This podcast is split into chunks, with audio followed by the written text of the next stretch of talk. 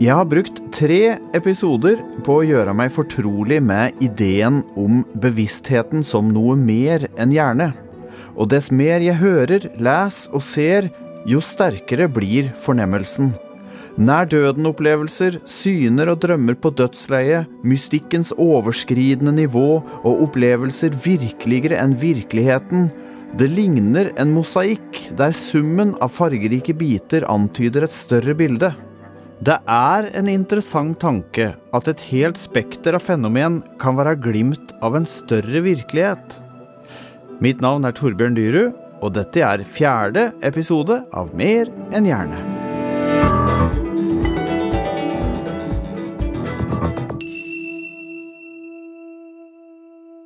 Det handler om nære personer ofte for meg. At eh, eh da kan jeg kanskje få en eller annen slags eh, forvarsel eller et eller annet som bare popper innom hjernen. Et eller annet billedlig syn på en person, f.eks. Og det, det, sterkeste var vel egentlig med en Dagfinn. Um, hvis jeg kan få si det. Ja, ja selvfølgelig. ja. Dagfinn var min far, og hun som prater, heter Heidrun Nagel Dahl. Vi har kjent han helt siden vi gikk i TenSing sammen. Heidrun er nær venninne med to av mine søstre, Marte og Kristin, og gjennom dem har jeg fått med meg at Heidrun av og til fornemmer ting som har skjedd eller kommer til å skje. Heidrun hadde òg et nært forhold til far min. Jeg har prøvd å analysere det etterpå. Det er jo ikke så lett å analysere, men jeg husker jeg og Marte prata jo veldig mye rundt den tida han var dårlig. Mm. Uh, og liksom det opptok jo veldig meg òg, for for meg så ble jo han på en måte en litt sånn farsperson. Um, så jeg tenkte på i ettertid hvorfor han var så på en måte altså Litt sånn du på en måte nesten kunne se litt i tanka hele tida. Mm.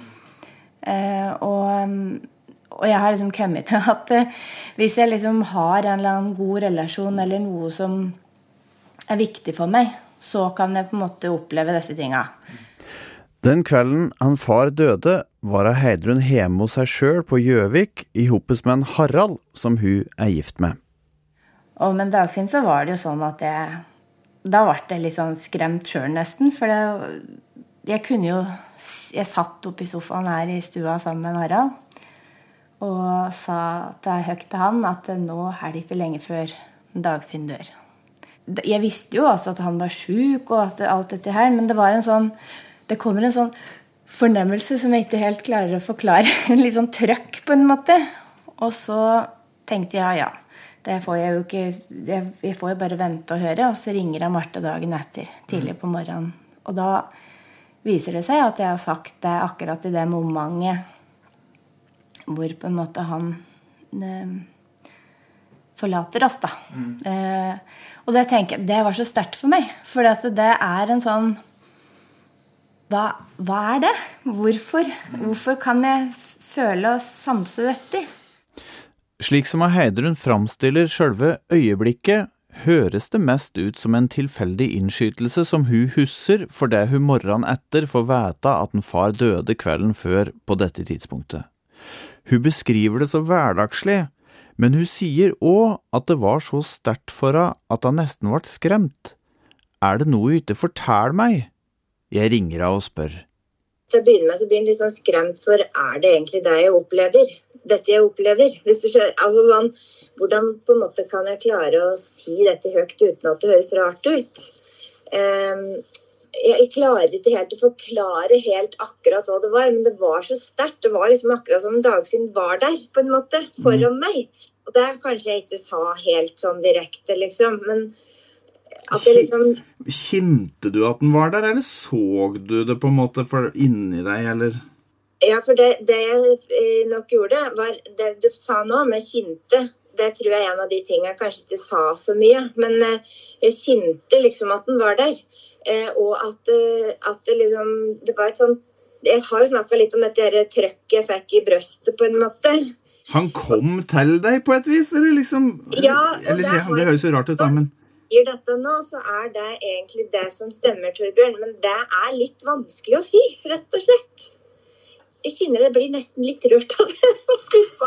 Ja, men det er litt vanskelig å si at nesten at liksom nesten var der. At det går an å bli så rørt. Men det betyr jo Jeg modererte meg nok der i forhold til at jeg kjente dette trøkket, men at den plutselig bare var der på et eller annet vis. Klarer ikke å forklare det helt annerledes, rett og slett. Jeg vet ikke helt um, jeg skal si det helt. Oi, ble så rørt, jeg, gitt. Heidrun blir rørt, sjøl om dette nå er 13 år sia. Den emosjonelle reaksjonen, vanskeligheter med å finne riktige ord, og ikke minst det at det er så krevende å fortelle hva som egentlig skjedde, gir meg helt klare assosiasjoner til det sykehusprest Øystein Buer fortalte i episode to fra sine intervjuer med nær døden-opplevere. For pasienter å si dette uten å være i en kontekst der de virkelig opplever at dette ikke er flaut eller rart å snakke om, er helt nødvendig for at de skal dele det. Det var akkurat som hun var der. Heidruns opplevelse har likhetstrekk med nærværet noen beskriver både fra dødsleiet og fra nær døden-opplevelser. Til vanlig er ikke fornemmelser på langt nær så sterke, men de har noen kjennetegn som Heidrun har lært seg å kjenne igjen. Det er et sånt lite sånn trøkk i brøstet ja. som jeg alltid får. Når det er et eller annet som skjer. Ja, jeg kan plutselig bare se den personen på en måte inni, akkurat som hvis du, noen forteller deg en vits, og så ser du det kanskje i bilder i huet. på en Men måte. Ligner det på sånn som du, det du ser for deg når du leser en bok? Så lager du det ja, bilder? det er sånn. Ja. Det, det, er godt forklart. For ja. det er sånn. Ja. Samtidig så får jeg en sånn litt sånn trøkk i brøstet. Kan få litt sånn temperaturforandring. Bli litt kaldere, f.eks. Um, ehm, og så går det liksom over. Heidrun har òg opplevd å se mennesker som andre ikke ser ubeleilig nok mens hun får en omvisning under et jobbintervju. Og hun eh, daglig lederen følger meg rundt, og så kommer vi opp i andre etasje i det huset, og så sitter det ei dame inn til høyre i et av de rommene, og jeg sier hei. Og idet jeg sier hei, så skjønte jeg at eh, For hun uh, som var med meg, hun begynte å se litt rundt hvem sier jeg hei til. Jeg rakk å få med meg, så jeg til slutt sa ja, og her, her lager dere står dere til tomater da, i dette glassverandaen? Begynte jeg å prate videre på, da. Ja. Men jeg visste hele tida at det jeg hadde sett, det hadde ikke hun sett. Mm. Altså, Hjernen min jobba så på at jeg må finne ut av om dette her var hjernen min som spilte med et puss, eller om det var den For jeg hadde jo følelsen inn i, i brøstet. Og så jeg sto slik at hun sto med ryggen imot, så jeg kunne se om noen gikk forbi bak henne. Og vi står der og prater, og kommer ut igjen derfra, og så kikker jeg inn igjen i den stua, og der sitter det ingen. Og så spurte jeg da hun styreren der om er det noen andre veier ned her, eller må du gå den trappa der? Liksom, kan du komme ned ut, andre, ut til høyre for å komme ned første etasje? Å nei, du må gå rundt der. Mm. Da får det liksom enda mer styrka for min del at ok, ja, samme trøkk i brystet, samme liksom temperaturforandringa. Jeg vet at det er sant, på en måte, da. Ja. Så eh, Og jeg har jo ikke turt å spørre henne etterpå om hun så den i person. for det, det, hvis folk ikke er åpne for det, så høres det jo litt sånn Ja, du skulle få ny jobb der, liksom. Skjønner du? ja, der er hun som går rundt og ser spøkels. ja. Sjøl om Heidrun ikke forstår hva som skjer, og reserverer seg for hvem hun deler dette med, er hun helt trygg på at erfaringen er sanne. Jeg er nysgjerrig på når dette starter. Er dette noe du har hatt hele livet? når begynte dette? Ja, det er et godt spørsmål, for det har jeg prøvd liksom å Altså, jeg var kanskje sånn 18, 17-18. Og jobba på menighetskontoret, vet du. Vaska på Ja, på hoff. På hoff, ja. Mm. Um, så det var liksom første gangen jeg liksom opplevde akkurat den samme trøkk i brøstet. Forandring av litt sånn kulde. Um, men ikke sånn Og litt sånn litt redsel, på en måte. For det da skjønte jeg egentlig ikke helt hva som skjedde. Jeg var alene på menighetskontoret og vaska. Og det var på, midt på lyse dagen, og det var folk inn og ut liksom nede. og så vaska jeg bortover, og så kjente jeg med ryggen til så kjente jeg at å, Nei, nå må jeg bare snu meg.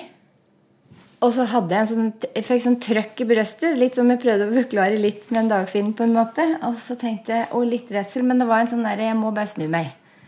Og så snur jeg meg, og så i døra i den åpningen inn til eh, hovedrommet der, vet du Husker ikke hvem som hadde kontor der, ja, men uh, der står det en mann. Og så tenkte jeg først Nå har jeg blitt Nå har det skjedd noe med hodet mitt! nå, nå, er det noen som spiller det et puss edruen. Men så var det for virkelig på en måte til at jeg, jeg, jeg veit hva jeg så. Jeg kan beskrive på en måte at han sto i døråpningen, en høg skapning. Litt sånn med en type vest med en sånn klokkeur. Det er det jeg husker. Ja. Du fikk ikke inntrykk av at han ville deg noe, eller eh, det, han, han, bare sto der og var der? Ja, bare sto der og var der. Mm. Og så tenkte jeg nei, nei, nei, nei, nei, nei. Hva er dette? Så, men så sa jeg 'jeg vet hva jeg så', jeg vet hva jeg så. Ble helt Så snudde jeg meg igjen. Så tenkte jeg når jeg har telt til ti nå, da er den borte. Så gjorde jeg det, og da var den jo borte. Men da kasta jeg vaskekosten, og så fløy jeg ut på trappa. Og der satt jeg lenge. Til jeg visste at det var noen som kunne være oppe i andre etasje, og jeg kunne vaske ferdig. For da var jeg ja. Du syntes det var skummelt? Ja, det var skummelt, syns jeg. Og dette her presset i, i brøstet som jeg snakker om, mm. det er det som jeg gjennom alle år nå kan kjenne det igjen på. At ja. her er det noe som jeg ikke har helt kontroll på. ja. Og, og, liksom skulle forklare dette med på noen annen måte enn at du så en mann, det Det er jo helt umulig, egentlig. Annet enn bare at jeg, at jeg kan fortelle at jeg gjorde det. Om en vil velge å tro på det eller ikke. Ja. Men øh, du, jeg må bare si, jeg, Når jeg hører meg prate sånn, så sa de i huset mitt at ja, du får ikke høres helt rar ut, da, Heidrun. Heidrun flirer mye og ofte, og en av dem hun flirer mye med og av, er mannen sin, Harald. Humoren er en forløsende faktor når Heidruns forunderlige opplevelser møter Haralds nøkternhet. Når jeg har liksom kommet med igjen litt, så og klart å fortelle det til eh, Harald, liksom. Da ble det liksom litt mer sånn Men jeg, det er sant. Ja ja, jeg får tro på det, da. Sier han, ikke sant? Så vi, vi har jo lagd mye humor ut av ting. Det må han. Men, ja. Eh, men ja, For Harald er ikke disponert for dette? Absolutt ikke. Nei. Ja, det er en grunn til at han kaller eh, hjemmet vårt for eh, Naturmedisinske senter. for han mener at jeg tar med av det. ja. Men det er fint, da. Men du opplever at den er åpen? Ja, han er åpen, og han er aldri sånn at uh, jeg Ja, jeg hører hva du sier, ja. Akkurat, ja. Ja, du er jo litt rar, sier han, liksom. Men han er ikke Han sier ikke at han ikke tror på meg heller. Men han er litt sånn Han er litt usikker, på en måte. Det må være lov, da. Men, det er jo eh, kjempefint at de liksom får til dette der. Ja, og så tenker jeg, når det blir litt sånn at jeg plutselig Nå opplevde jeg noe. Da kan jeg jo skjønne at han syns Ja, ok, jeg hører litt, ja. Mm. Men at det er vanskelig å forstå, det, kan, det forstår jeg. Ja, det er ja. jo fryktelig vanskelig å skjønne seg på dette. Ja. Hvis du på en måte ikke har opplevd det, så forstår jeg at det er vanskelig å forstå.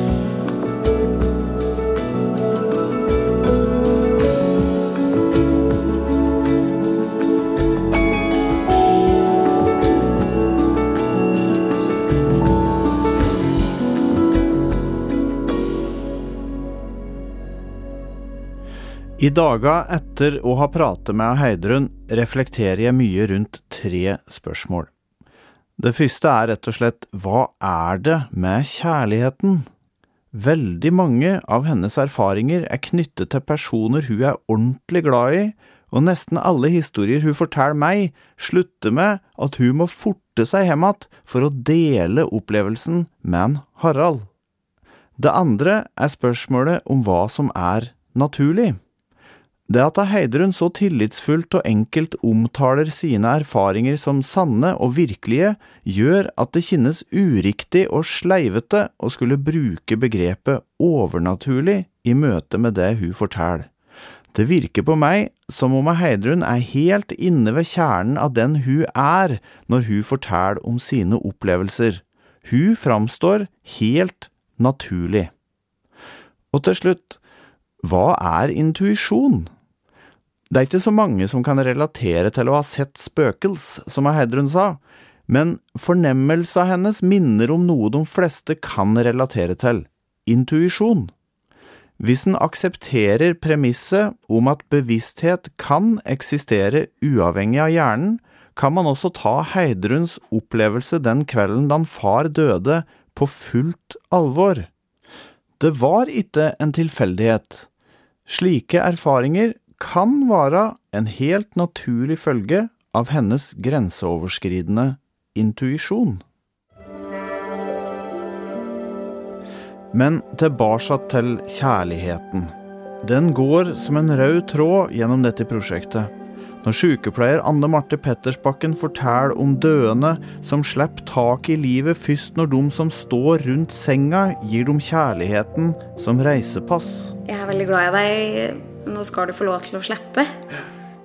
Og da, da, da roer det seg, og da slipper de. Eller når Kjell Arnold Nyhus deler erfaringer fra Halden fengsel, hvor tungt kriminelle får livet forandra etter fire uker i kloster. Og vi har jo fått bekrefta den gamle tesen som vi har vært innom noen ganger, at det kan se ut som det eneste som kan helbrede et menneske, det er å møte vilkårsløs kjærlighet. For ikke å prate om nær døden-opplevelsen hans Audun Mysja. En veldig klar opplevelse at kjærligheten var som en vibrerende grunnvoll i alt som var. Hvis noe er virkelig, så er det kjærlighet, og hvis ja, der det er kjærlighet, så er det noe som er virkelig, og noe som ikke kan forgå. For den kjærligheten var, er og blir. Jeg så at det var ikke noen begynnelse eller ende på den. Den er grunnvollen i alle våre viktigste relasjoner og den gjennomsyrer noen av de mest intense øyeblikka vi opplever i løpet av et liv. Mennesker har i tusener av år fylt millioner av fortellinger, sanger, dikt, skuespill, bilder og romaner for å beskrive hva den gjør og er. Den er aksen alle religioner dreier rundt, og for meg har den plutselig blitt et av hovedargumenta for å tro på noe som helst av det jeg formidler i denne podkasten. Hvis det er slik Audun Mysja forteller om, så kan jeg tenke at kjærligheten står som en dirrende streng mellom min hverdag og dette ubeskrivelige. Det er den som gjør det ubegripelige litt mer begripelig. For kjærligheten er ikke fremmed for oss. Menneskeheten har gang på gang erfart hva det er å være inderlig glad i eller å elske noen, og vi har sett hva det gjør med oss å være fylt av kjærlighet. Så djupt og allment har vi erfart dette at det er ingen som bestrider at kjærlighet finnes. Den er virkelig.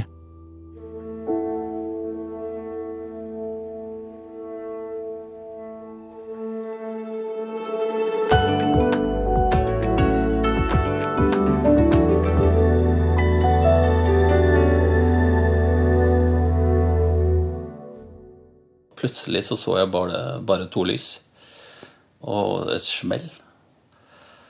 Uh, og jeg veit ikke hvor lenge jeg var borte. Men jeg, hør, jeg, husker at jeg hørte det var en eller annen som skreik i øret mitt. Dette er Benny Charles Fredstad. Han bor rett nedafor der jeg gikk på bussen til ungdomsskolen. En av daga hvor jeg ikke har ligget på sofaen med kroppen full av cellegift, har vi vært på frisbeegolf, og etter å ha fortalt en Benny at jeg finner mye trøst i å lese om bevissthet, kvitterer han med ei historie fra livet sitt som var ukjent for meg. Benny har vokst opp i pinsemenighet, hører på Metallica og har jobbet for PlayStation. I 1999 frontkolliderer Benny i 60 km i timen uten bilbelte. Men så våkner jeg av at det er masse glass rundt meg, og det er, eh, det er folk som skriker, og det er eh, ting som skjer, da. Eh, og så begynner jeg å se litt rundt, og så føler jeg at det er et eller annet som er gærent. Så jeg ser på hofta mi, så ser jeg at den stikker jo ut. Så den har jo, viser seg da seinere at den har jo fått ut av ledd. Slått av en del av bekkenet. og så viste det at jeg hadde slått kneet da inn i dashbordet og poppa hofta ut av ledd og slått av en del av bekkenet bak. da. Og det krever jo trykk på over et tonn da, for å få, få til seg legen. Så, så, det er eh, visst ekstremt vondt. Veldig, veldig smertefullt. Og da kom ambulanser, og de kjørte i meg morfin og dro rett på akutten på Ullevål og ringte mamma og pappa og sa at sønnen din er på, på vei til akutten på på Ullevål. Så dette var eh, en periode i livet mitt hvor jeg hadde gått vekk fra Gud. Jeg er jo vokst opp i et kristent hjem, eh, pinse, pinsefamilie. Eh, og jeg hadde på en måte gått på folkeskole og medieskole i Drammen. Og, så hadde jeg sklidd litt ut av det kristne miljøet, da. Det var mye, jeg begynte med å drikke mye alkohol, og det var Jeg tror jeg nesten drakk alkohol hver dag den siste tida der. Mye festing i helgene. Så jeg, jeg kjente at jeg var sånn litt på feil vei. Ifølge Store norske leksikon er pinsebevegelsen en kristen vekkelsesbevegelse og et kirkesamfunn som oppsto i USA omkring 1901. Det sentrale kjennetegnet ved pinsebevegelsen er læren om en gjennomgripende fornyelse gjennom Den hellige ånd.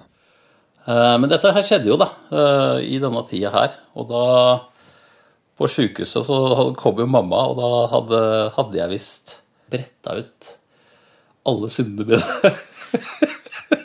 Midt innpå akutten der foran alle. Så bare, bare hadde kjørt skikkelig Skikkelig testimonial, skikkelig sånn der eh, vitne si, eh, Hva heter det når du er i eh, Vitnesbyrd? Ja, eller du, skrifter. Skrifter, ja. I det katolske, sånn som katolske kirken. da, eh, At jeg hadde skrifta liksom midt inne blant alle. Jeg hadde ikke brydd meg om hvem som var der. Og noe som helst.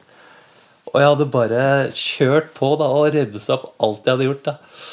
Og mamma hadde bare Ja, slapp av, dette går bra. Du, dette her får du tilgivelse for. Jeg, jeg veit ikke om jeg liksom trodde jeg kom til å dø. For at eh, jeg var jeg var der jeg var, og det var så veldig mye rundt og sånne ting. Men jeg ble lagt i narkose og de klarte å dra hofta på plass uh, uten å operere.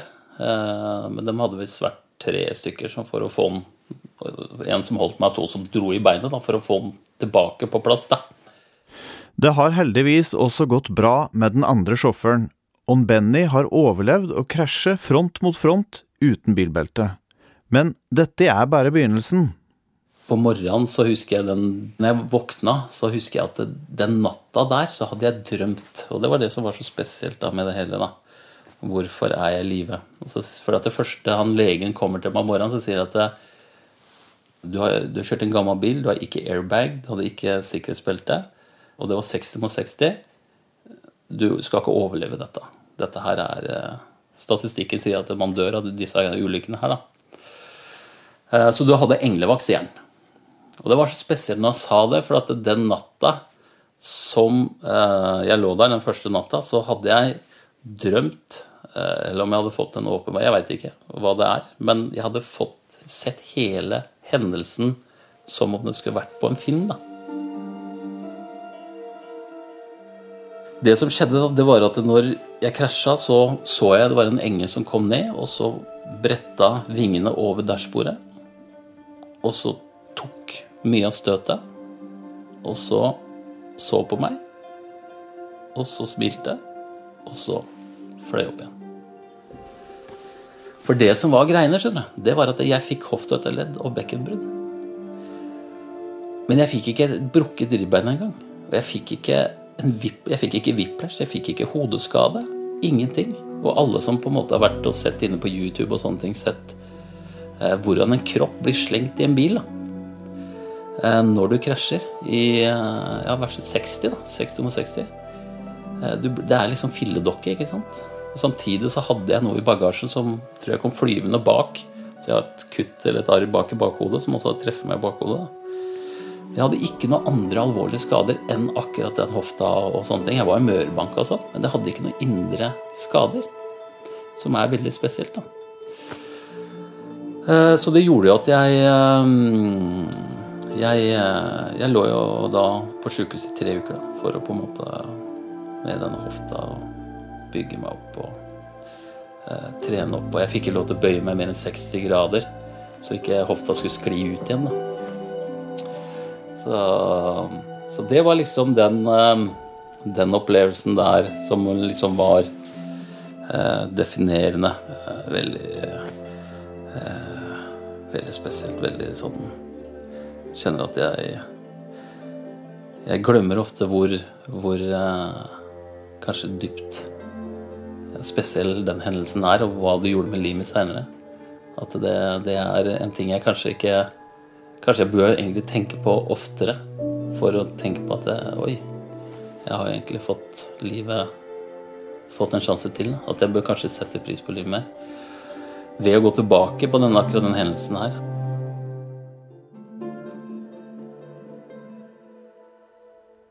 Jeg legger merke til at en Benny lurer på hva slags opplevelse han har hatt denne natta, om det er en drøm eller åpenbaring, jeg veit ikke hva det er, sier han. Jeg må spørre åssen dette framstår i hukommelsen hans nå, 20 år seinere. Når du liksom går tilbake og tenker på den drømmen nå, mm. eh, hvor virkelig er det for deg? Hvordan, skille, hvordan forholder det minnet seg i forhold til andre minner du har fra den samme tida, på en måte? Er det klarere bilder, eller er de like? Eller, og når du forteller om det til meg Det er uh, mye klarere. Det er som om uh, er, Mange andre minner har jeg, men de er vage i forhold, altså. Det er sånn derre det er et minne som på en måte jeg husker veldig godt, eller en drøm, eller som er, liksom, som er veldig mye klarere enn alle andre. Og det er akkurat det der. Og det, det, som på en måte skjedde i ettertid, da, det liksom det, Sånn som livet mitt utarta seg etter det, gjør egentlig drømmen enda sterkere. Da. Gjør at jeg skjønte at det, shit, dette her var dette tilfeldig, liksom. Var dette her noen som prøvde å dra meg inn på en, på en, eh, en ny vei, en annen vei igjen? Tilfeldigheter er noe alle opplever. Som regel betyr de ikke så mye, de bare er der. Men enkelte ganger følger de den på en sånn måte at vi legger merke til det, for noen framstår det som enkelte tilfeldigheter er forbønnig, at de gir mening på et djupere plan. Den sveitsiske psykologen Carl Gustav Jung omtalte dette som synkronisiteter. Fortsettelsen på Bennys historie er et godt eksempel på dette. Jeg var hjemme lå sengeliggende hjemme i leiligheten på Oppegård i nesten tre måneder. Med sånn elektrisk seng og fjernkontroll og ikke sant. Og hadde jo mista bilen min og mista jobben min og alt mulig rart, for at jeg jobba i et selskap som gikk eh, konkurs. Eh, og da fikk jeg telefon mens jeg lå der at eh, beklager, men du har, ikke, du har, ikke, jobb når du blir frisk. Så det, det beklager vi. Så da satt, lå jeg der. Litt sånn eh, krøplete og uten jobb og ja, Mye på en gang? Det var veldig mye på en gang. Men det var en sånn derre livs... Det var et veikryss, da. Og jeg husker at jeg eh, skulle vaske et glass inne på kjøkkenet, og da hørte jeg på Metallica. Jeg syns Metallica er veldig kult. Veldig, de har jo noen tekster som er eh, ganske mørke, noen av de tekstene der. Men jeg syns melodien og alt sånt er veldig fengende. Veldig mye kule og litt sånn tunge rytmer som jeg syns er litt kult. da. Og så vasker jeg glass, og så husker jeg jeg hørte på Enter Sandman. Og da kom jo Exit Light, Enter Night. Benny siterer en av Metallicas største hiter, Enter Sandman, en tung og mørk nattasang om hva som skjer når lyset forsvinner og natta kjem. Exit Light, Enter Night er refrenget på låta. Og idet det refrenget kom, så eksploderer eh, glass i hånda på meg og kutter meg såpass mye at jeg må inn på sjukehuset og sy. Og da kom jeg til de samme folka på akutten eller der. Så sier jeg hvorfor kommer du hit igjen? Du har jo nettopp vært der. Du skal, du skal ikke ha klippekort, liksom. Så det var litt sånn derre Og da tenkte jeg sånn derre Ok. For at jeg hadde litt sånn konflikt inni meg om jeg skulle dra på et kristen møte igjen. Prøve å søke litt av det gamle miljøet som jeg var i pinse, pinsebevegelsen. da. Så det endte jo med at jeg dro på møtet. Og da dro jeg på Oslo Kristne Senter. Møter på Oslo Kristne Senter trekker mye folk på denne tida. Grunnlegger og pastor Åge Åleskjær har gått på scenen for å holde preken. Benny står helt bakerst i en sal som har plass til 4500 mennesker. Og Åge, han eh, Det var en preken. Han sa at jeg skulle egentlig ha en preken. Men uh, Gud har lagt noe annet på hjertet mitt i dag, sier han. Så dette her er sikkert en grunn, og jeg må bare være lydig. Til ånden, sier jo Åge. Og da begynner han å prate om Jakob, da, som slåss mot Gud. da. Og de som kjenner til historien om Jakob, da, det er jo at han slåss jo mot Gud, og, og hvor Gud slår da hofta ut av ledd på Jakob. Eh, fordi Jakob var i konflikt med Gud, og det var jeg òg. Så det var liksom, det var så sterkt, da. Det var liksom, Han sto med pil her og bare skjøt pila rett i hjertet mitt. Så sier han er det noen som føler seg truffet av dette budskapet, så vil jeg at du skal komme fram. da. Jeg nølte ikke et sekund. Altså. Jeg husker jeg bare Ok, dette er meg. Jeg går fram. Og, og blei bedt for og valgte å, å, på en måte gå tilbake til kanskje litt den mer kristne livsstilen. Gå tilbake til det miljøet hvor, hvor man på en måte Eh, gjør at man kommer nærmere Gud. Da. Og ser kanskje, Man ser jo også livet på en annen måte. Men hadde du helst på eh, Åge Åleskjær før han skulle gå på og ha den preken? Visste han at du var der? Nei. Han visste ingenting. Kjente du den fra før? Hadde han hørt om ulykka di? Nei, han har ikke hørt om ulykka mi. Men jeg kjenner, eh, jeg kjenner sønnene hans. Jeg ja. kjenner alle tre gutta hans. Øyvind og David og Andreas. Så de, eh, de så du, kjenner jeg. Du, du dro på møte, og så var det han som leda møtet. Han visste ikke at du var der? Nei, nei. nei. Jeg hadde nesten sniket meg på møtet. Jeg. Ja, for det, det, er jo det er ganske mye på den, Jeg vet ikke åssen det er nå, men på den tida var det mm. mye folk? var det ikke det? Mange hundre? Jo, jo, nei, nei, det var Jeg tror det var eh, Jeg tror det var 2000-3000, ja. ja. Det, er Norges største, det var Norges største menighet vet du, på den tida der. Så jeg tror den salen her tar jo 3000 mennesker, tror jeg. Og det var nesten smekkfullt hver søndag. Når Benny ser tilbake på åssen hendelser følger han etter ulykka, opplever han det som noe mer enn tilfeldigheter. Den filmaktige, klare drømmen der en engel beskytter han, at han ved et uhell kutter seg til lyden av Exit Light Enter Night og slik bestemmer seg for å dra på møte. Et møte der pastoren helt spontant går utafor manus fordi Gud legger den på hjertet at han skal preke over ei tekst fra første Mosebok, ei historie om Jakob som i sin kamp med Gud får hofta slått ut av ledd. Og det stopper faktisk ikke der heller. Når Benny, arbeidsledig og med totalvraket bil, ringer en venn fra sjukesenga fordi han står fast i et spill på PlayStation, blir han bedt om å søke jobb som selger for PlayStation med egen firmabil. Han blir kollega med en kompis, og de henger mye i kollektivet til kompisens kjæreste, for der møter han Benny, ei dame han faller for. I løpet av de påfølgende åra blir han kontaktet av forsikringsselskapet, som to ganger beklager treg saksgang, men vi skylder deg penger.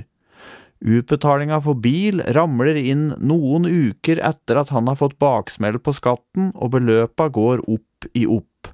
Andre gang ringer de godt over to år etter ulykka og beklager treg saksgang, men som delvis ufør har du krav på 300 000 kroner, rett i overkant av det han behøver til leiligheta han driver på og skal kjøpe sammen med dama fra kollektivet, som han i dag er gift med.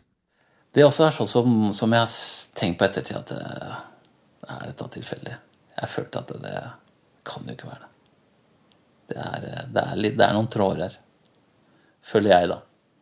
Og det, og det er det som på en måte har gjort at jeg har bevart troa, og som jeg alltid går tilbake og tenker at jeg kan ikke slutte å tro på Gud som Når jeg får så mye penger? Når jeg får så mye penger. Nei da, men som, som uh, jeg, liksom, jeg føler at det passer på meg.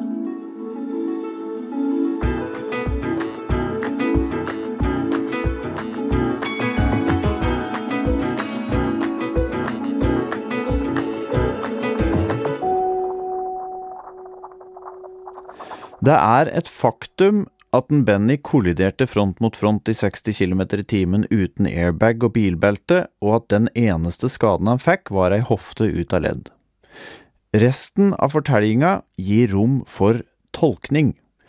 Bennys oppvekst og livssyn gir rammer og språk til hans tolkning, for han er dette ei historie om Guds inngripen.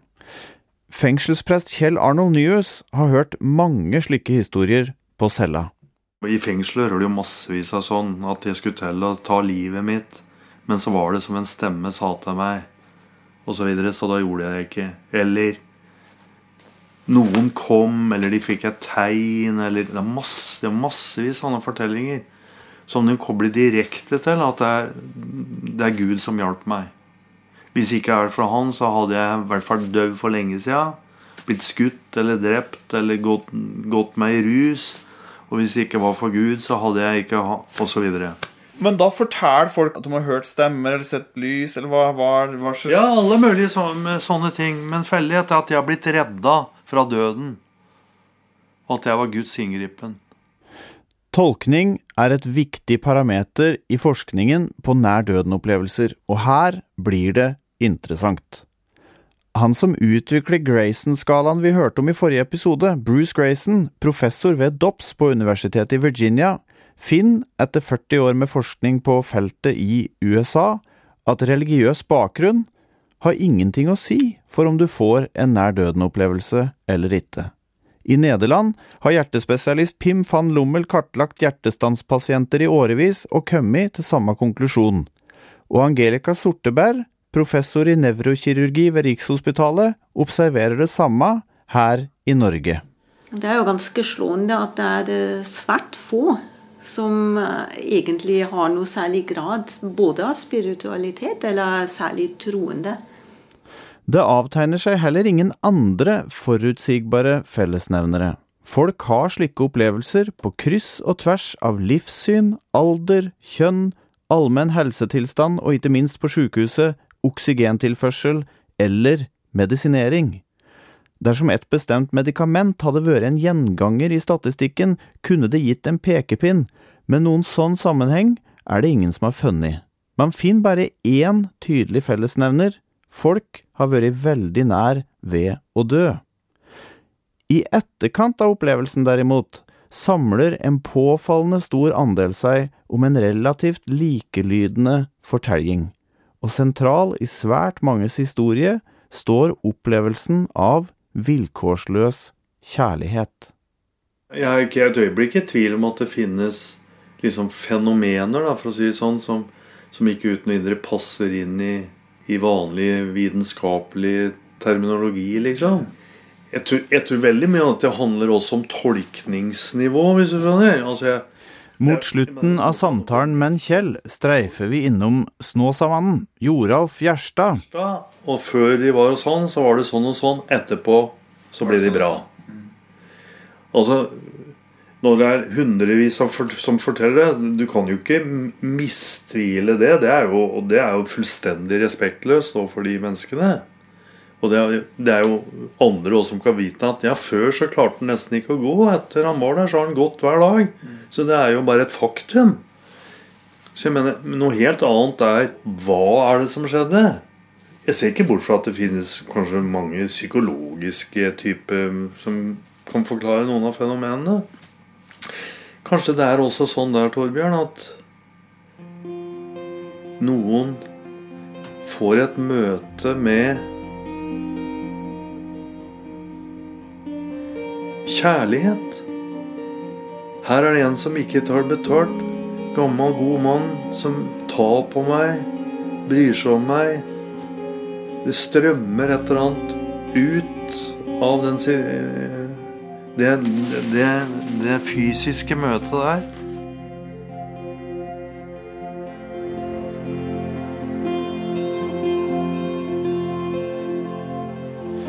Det har blitt vinter, og jeg skal snart i gang med en ny runde behandling for metastaser i lungene mine. Tre kvart år etter at jeg begynte å lese om bevissthet, er jeg godt i gang med å intervjue folk på Toten, og i neste episode møter jeg ei som fortalte meg en merkelig historie for ti år sia. Der dukker far min opp igjen, men hovedpersonen i historia er egentlig meg.